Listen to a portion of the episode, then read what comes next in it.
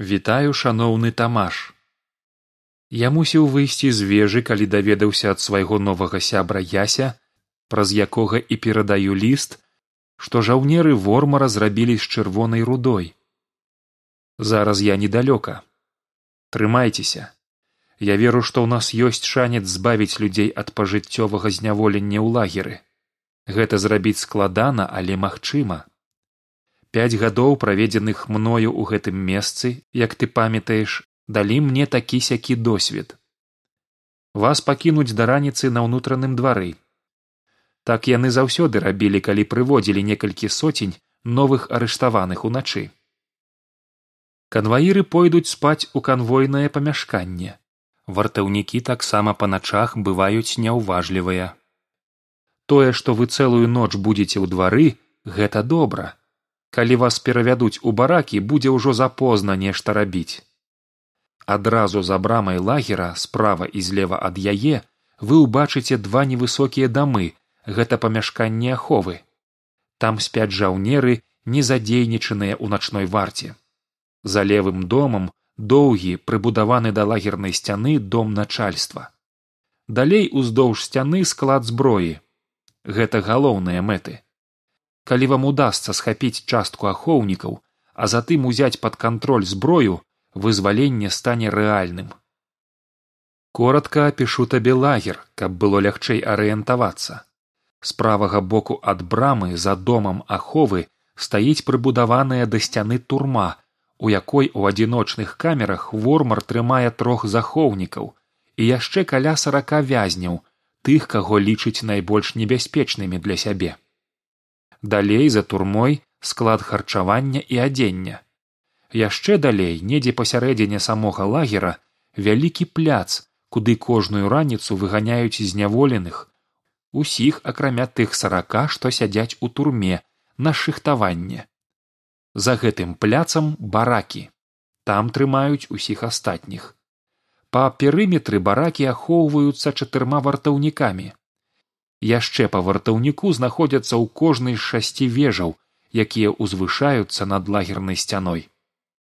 Дарагі тамаш ты можаш сказаць што за ўвесь час панавання вормара ніхто на такое яшчэ не адважыўся. Але ўспомні што некалі мы былі вольнымі людзьмі.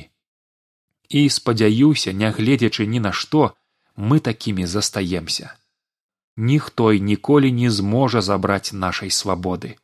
З надзеяй стэфан прабач мне што не паверыў адразу паглядзеў на яся старэйшына я баюся што цяпер табе не выбрацца з калоны ужо зусім хутка мы апынёмся ў лагеры але вас жа так шмат. Чаму вы не нападзяце на гэтых канваіраў? Тут не працуе звычайны падлік. Хоць нас і больш за тысячу а канваіраў толькі пятьдесят але ў іх ёсць зброя. Мы ж бяззбройныя. Гэта значыць што пры нашым нападзе на іх нават калі ён і будзе выніковым загіне вялікая частка гараджанаў нашыя жонкі дзеці. Таму мы не можам гэтага зрабіць.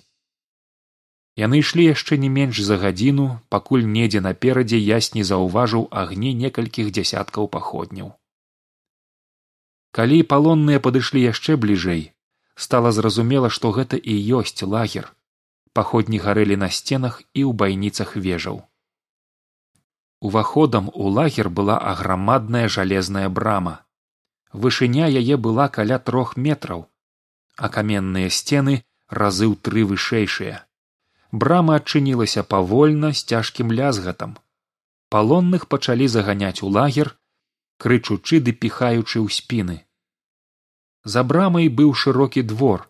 Ягоныя межы хаваліся ў цемры а там дзе хапала святла паходняў язь заўважыў дзве ўнутраныя прыбудовы якія стаялі справа і злева пад сценамі. Колькі ж іх тут радасна запытаўся ў канваіраў адзін з лагерных ахоўнікаў. Тысяча двести тридцать шесть ого гэта прыемна чуць!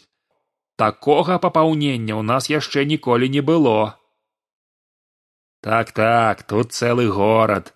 Канваір задаволена заківаў галавой. Хавалі ў сябе шостага за што зараз і будуць расплочвацца. Ён павярнуўся ў бок палонных і з задаволенай усмешкай наўмысна гучна прагаварыў. Справядлівасць у тым і ёсць. Зло мусіць быць пакаранае якая ўдача для нас! За апошні час мы пабудавалі дзевяць новых баракаў прыемна бачыць што яны не будуць пуставаць. Тым часам да палонных падбеглі ахоўнікі. Усе рэчы складаем тут. З сабой браць толькі адзенне былых жыхароў чырвонай руды выстраілі ў некалькі шарэнгаў і сталі пералічваць. Праз некалькі хвілінаў нехта крыкнуў. Тысяча двести тридцать семь пералічыце яшчэ раз. Павінна быць на аднаго бандыта менш пералік пачаўся зноў і ў ясе замерла сэрца. Ці не выдасць яго хто? Але ўсе тыя хто бачыў як язь далучыўся да іх калоны маўчалі. Тысяча двести тридцать семь зноў пракрычаў голас калі лічыльнікі звялі ў адно ўсе лічбы. Так як і ў першы раз адкуль лішні? Як вы там лічылі на выхадзе з горада незадаволена харкнуў лагерны начальнік канваірам мы былі ўпэўненыя ў сваёй лічбе. Упэўненыя. У такіх справах не павінна быць недакладнасцяў. Начальнік павярнуўся да палонных і выгукнуў трэніраваным голасам. Першае адзінае правіла. Як толькі вы ўвайшлі ў гэтую браму вы ўжо больш не жыхары горада непрацоўныя не майстры і не прадаўцы. Вы ўжо не бацькі і не дзеці. Вы ўжо не мужы і жонкі. Вы зняволеныя і адзінае што вы можете тут гэта выконваць загады. Ягоны крык адбіваўся ад высокіх сценаў і здавалася атачаў палонных з усіх бакоў. Вы здрадзілі свайму народу і ў мэтах гуманнасці мусіце панесці справядлівае суровае пакаранне. Ваш лёс быць тут да канца сваіх дзён Ён памаўчаў пару секундаў чакаючы каб ягоныя словы далі эфект аднак вы можете ачысціць сваё сумленне калі будете добра працаваць на славу вормара і народа і паведамляць начальству пра ўсе праявы падазроных паводзінаў іншага выбару ў вас няма. Начальнік спыніўся каб перавесці дух і выгукнуў рэздзяліць Людзі не зразумелі, што гэта значыць, але калі падбеглі ўзброеныя ахоўнікі і пачалі аддзяляць жанчынаў і малых дзяцей ад мужчынаў, сярод палонных падняўся голасны плач. Што ж яны робяць? у адчаі прашаптаў язь і тут жа зразумеў, што ўвесь іх план уся задума, пра якую казаў стэфан, правальваецца. Іх раздзеляць, каб ужо гэтай ноччу зараз размеркаваць па бараках калі жанчыны былі аддзеленыя іх павялі кудысьці далей у глыб лагера але куды менавіта было не ўбачыць. Месяц зноў схаваўся за хмары і адзінай крыніцай святла засталіся паходні турэмшчыкаў язь глядзеў на тое як знікаюць ягоныя надзеі на збаўленне людзей ды сваё вызваленне і адчуваў як у гэтай цёмнай халоднай начы яго пачынае напаўняць страх. У гэты час стэфан так і не дачакаўшыся яся падбіраўся да лагера яму былі ўжо добра бачныя знаёмыя агні якія асвятлялі сцены і якія ўсё яшчэ сніліся яму па начах набліжалася непагадзь вецер шкуматаў полымя паходняў рэзка пахаладала і на вялікае здзіўленне шостага на зямлю пачалі падаць кроплі дажджу чаго ён не бачыў ні разу за тыя гады што яму давялося адбыць у гэтым сухім пясчаным краі. Начальнік лагера і начальнік канвою стаялі адзін насупраць аднаго ў будынку аховы і па іх паставах было зразумела, што ні адзін ні другі не хоча адступацца ад свайго. Вам трэба памятаць, што ў лагеры камандую я, а не хтосьці іншы. А мы знаходзімся тут на загад хваўлюса. У нас ёсць адпаведныя паўнамоцтвы і ніхто мне і маім людзям не будзе ўказваць што нам рабіць а чаго не рабіць як сабе хочаце трэба было прыводзіць іх удзень адправіць у баракі зараз усіх не можам толькі жанчын і дзяцей. А па інструкцыі я магу пакінуць палонных на вуліцы на ноч без размеркавання толькі тады калі для гэтага ёсць дастаткова аховы. Вашыя канваіры правялі іх сюды і калі вы лічыце сваю місію такой важнай то і не думайце што вам удасся сысці з лагера праз гадзіну вы павінны заставацца тут да пераводу зняволеных у баракі а значыць вы прастаіцё тут да раніцы начальнік канваіраў пачырванеўшы ці ад злосці ці ад выпітага па дарозе віна рэзка развярнуўся і не кажучы ні слова выйшаў з будынка на дождж ды шпарка пакрочыў да сваіх падначаленых праз некаторы час за ім выйшаў задаволены начальнік лагера ён падышоў да ахоўнікаў якія прымалі ў палонных асабістыя рэчы і каб чулі ўсе і свае і канваіры аддаў загад. Пасля прыёму рэчаў зняволеных пакідаем тут. Афармленне і перавод у жылую частку будзе праходзіць раніцай. Начальнік канвою крыху пастаяў моўчкі а затым гаркнуў свайму памочніку. Дзе там нашы бочкі з віном? Трэба сагрэцца ў такую ноч вось тут усё падрыхтавана палова канвою вартуе да сярэдзіны ночы астатнія будуць у памяшканні потым будзе змена. Прасочыш за гэтым. Ну і дай там таксама хлопцам што на вуліцы. Ён кіўнуў на бочкі а то і праўда памерзнуць. От жа ж пацоўк гэты лагерны начальнік. Ну добра. Як кажуць умей працаваць ды не забудь адпачываць. І ўзяўшы пад паху бочачку віна ён пайшоў. Ну што трэба збірацца уздыхнуў выціраючы вусы і адстаўляючы чару адзін захоўнікаў лагера мажны з маленькімі цёмнымі вочкамі.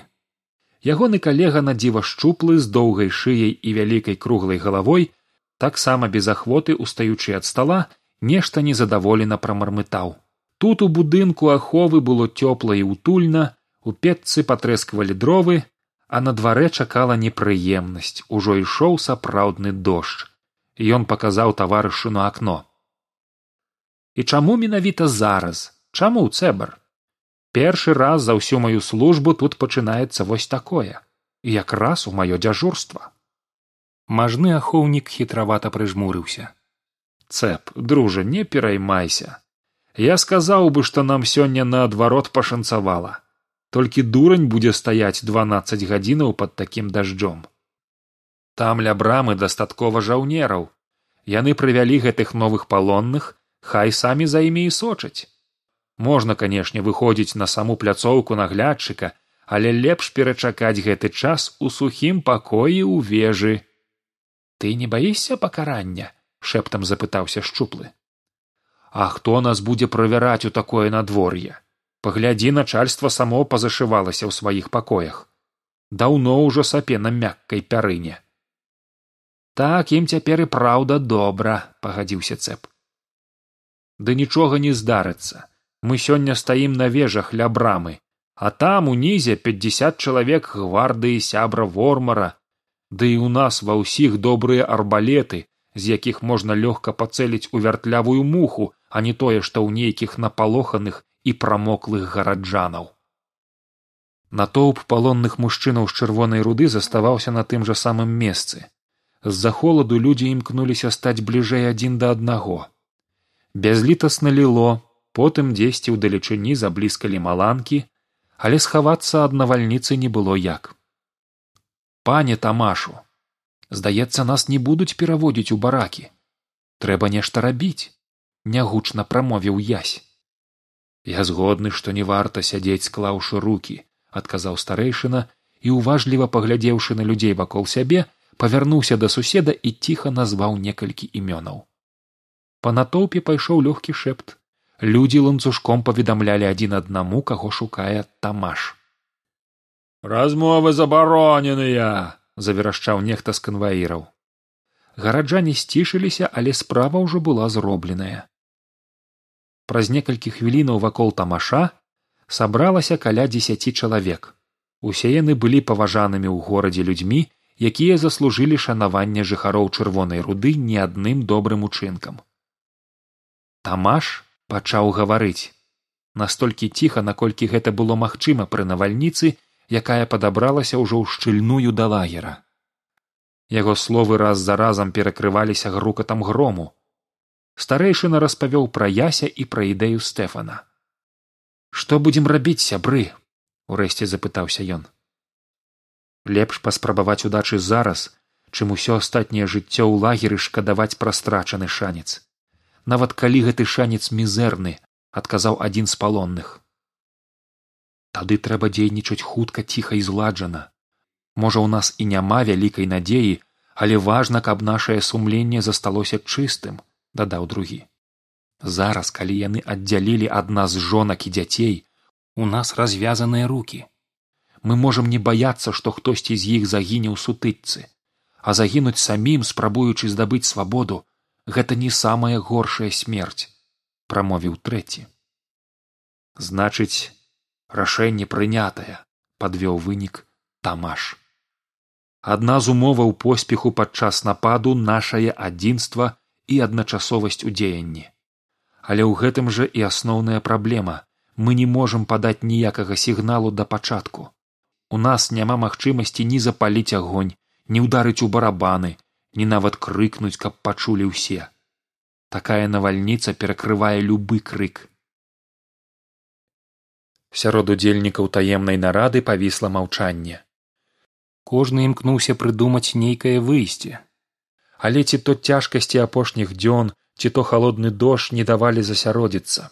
Шуганула маланка і пачуўся магутны рокат грому ясю здалося што гэта вялізны моцны леў які жыве дзесьці сярод аблокаў і бліскавіцаў напоўніў сваім рыкам усю пустэльню. Я ведаю што нам падкажа раптам амаль закрычаў язь усе здзіўлена павярнуліся да яго. Вестка пра падрыхтоўку нападу імгненна разышлася сярод некалькіх сотняў палонных мужчынаў.